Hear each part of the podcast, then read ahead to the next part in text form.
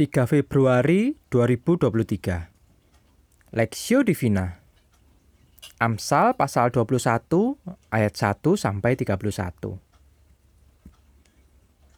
Hati raja seperti batang air di dalam tangan Tuhan.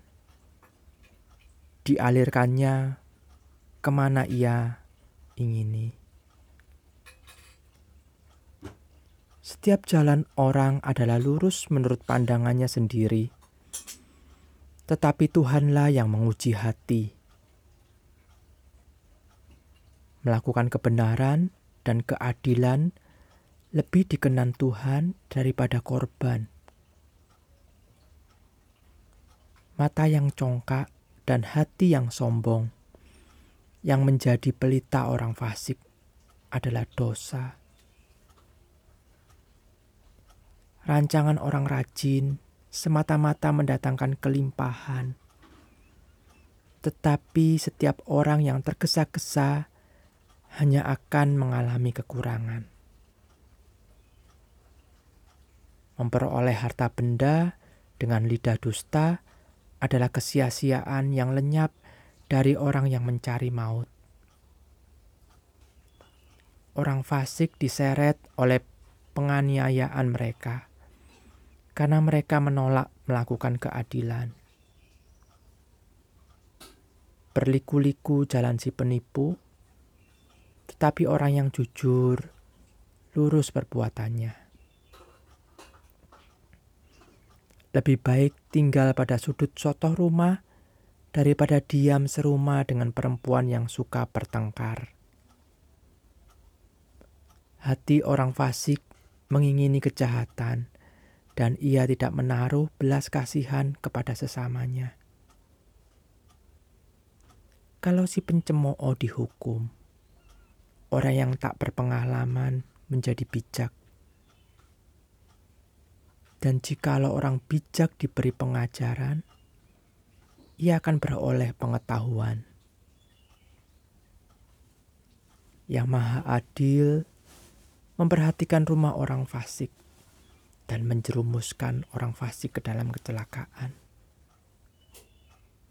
Siapa menutup telinganya bagi cerita orang lemah, tidak akan menerima jawaban kalau ia sendiri berseru-seru. Pemberian dengan sembunyi-sembunyi memadamkan amarah, dan hadiah yang dirasa yang dirahasiakan meredakan kegeraman yang hebat. Melakukan keadilan adalah kesukaan bagi orang benar, tetapi menakutkan orang yang berbuat jahat. Orang yang menyimpang dari jalan akal budi akan berhenti di tempat arwah-arwah berkumpul. Orang yang suka bersenang-senang akan berkekurangan. Orang yang gemar kepada minyak dan anggur tidak akan menjadi kaya orang fasik dipakai sebagai tebusan bagi orang benar, dan pengkhianat sebagai ganti orang jujur. Lebih baik tinggal di padang gurun daripada tinggal dengan perempuan yang suka bertengkar dan pemarah. Harta yang indah dan minyak ada di kediaman orang bijak, tetapi orang yang bebal memboroskannya. Siapa mengejar kebenaran dan kasih akan memperoleh kehidupan, kebenaran, dan kehormatan. Orang bijak dapat memanjat kota pahlawan-pahlawan dan merobohkan benteng yang mempercayai yang mereka percayai. Siapa memelihara mulut dan lidahnya, memelihara diri dari kesukaran. Orang yang kurang ajar dan sombong, pencemooh namanya. Ia berlaku dengan keangkuhan yang tidak terhingga. Si pemalas dibunuh oleh keinginannya karena tangannya enggan bekerja. Keinginan bernafsu sepanjang hari tetapi orang benar memberi tanpa batas. Korban orang fasik adalah kekejian, lebih-lebih kalau dipersembahkan dengan maksud jahat. Saksi bohong akan binasa, tetapi orang yang mendengarkan akan tetap berbicara. Orang fasik bermuka tebal, tetapi orang jujur mengatur jalannya.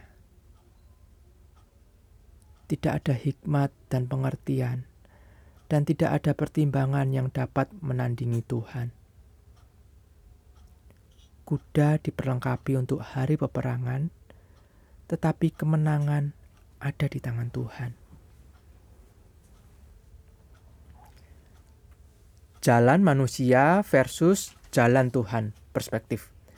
Setiap jalan orang adalah lurus menurut pandangannya sendiri, tetapi Tuhanlah yang menguji hati. Amsal pasal 21 ayat 2. Dalam mengambil sebuah keputusan, harusnya banyak aspek yang dipertimbangkan, termasuk baik buruknya dampak dari keputusan tersebut dalam hidup seseorang. Namun ada aspek yang sering kita lupakan, yaitu pendapat Tuhan. Padahal bisa saja yang kita rencanakan tidak sesuai dengan keinginan Tuhan. Manusia sering kali terlalu percaya diri dengan semua keputusan yang diambil, tanpa menyadari bahwa apa yang dianggap benar belum tentu baik dan benar di hadapan Tuhan. Oleh karena itu, pendapat dan kehendak Tuhan ialah penting ketika mengambil keputusan dalam hidup, supaya manusia tidak salah melangkah. Meski Tuhan menciptakan manusia dengan kehendak bebas, namun sesungguhnya hati manusia seperti saluran air irigasi yang bisa diarahkan petani ke mana pun dia mau. Bahkan hati raja yang mungkin nampak tidak memiliki batasan diarahkan oleh Tuhan. Dia memutarnya ke mana pun dia mau. Jika kuasa seorang raja hanya seperti aliran sungai di tangan Tuhan, maka Tuhan dengan mudah bisa mengarahkan hati kita. Benar bahwa kita bebas merespons, tetapi percayalah tidak, tidak ada hal yang baik yang muncul dari hati yang bertentangan dengan kehendak Allah. Bagaimana gerak tangan kita dipengaruhi oleh keadaan keadaan hati kita. Apabila hati kita tertuju pada Tuhan, maka semua yang kita lakukan boleh sesuai dengan boleh sesuai yang Tuhan mau. Tuhan sanggup mengendalikan hati dan pikiran kita. Bahkan hati seorang raja yang berkuasa, yang dalam pandangan dunia bisa melakukan apa saja yang dia kehendaki. Hati seorang raja tidak bisa diarahkan oleh manusia biasa, sebab seorang raja memiliki hak istimewa untuk melakukan apa yang dia ingini. Raja memiliki posisi sosial yang tinggi dan ia memiliki kekuatan untuk memerintah seseorang. Tetapi tetapi dalam tangan kuasa Tuhan, seorang raja hanya ciptaan yang bisa Tuhan arahkan ke mana pun Tuhan mau. Tuhan memiliki akses ke dalam hati semua orang ciptaannya.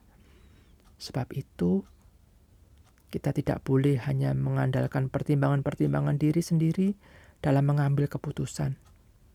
Kita harus bertanya kepada Tuhan terlebih dahulu. Studi pribadi, selama kita hidup, apakah ada Tuhan dalam setiap keputusan yang kita ambil? Sebesar apa peran Tuhan dalam hidup kita? Pokok doa, Mari memohon ampun kepada Tuhan jika dalam pengambilan pengambilan keputusan kita lupa melibatkan Tuhan. Berjanji akan selalu bertanya kepada Tuhan apa pun yang kita ingin lakukan.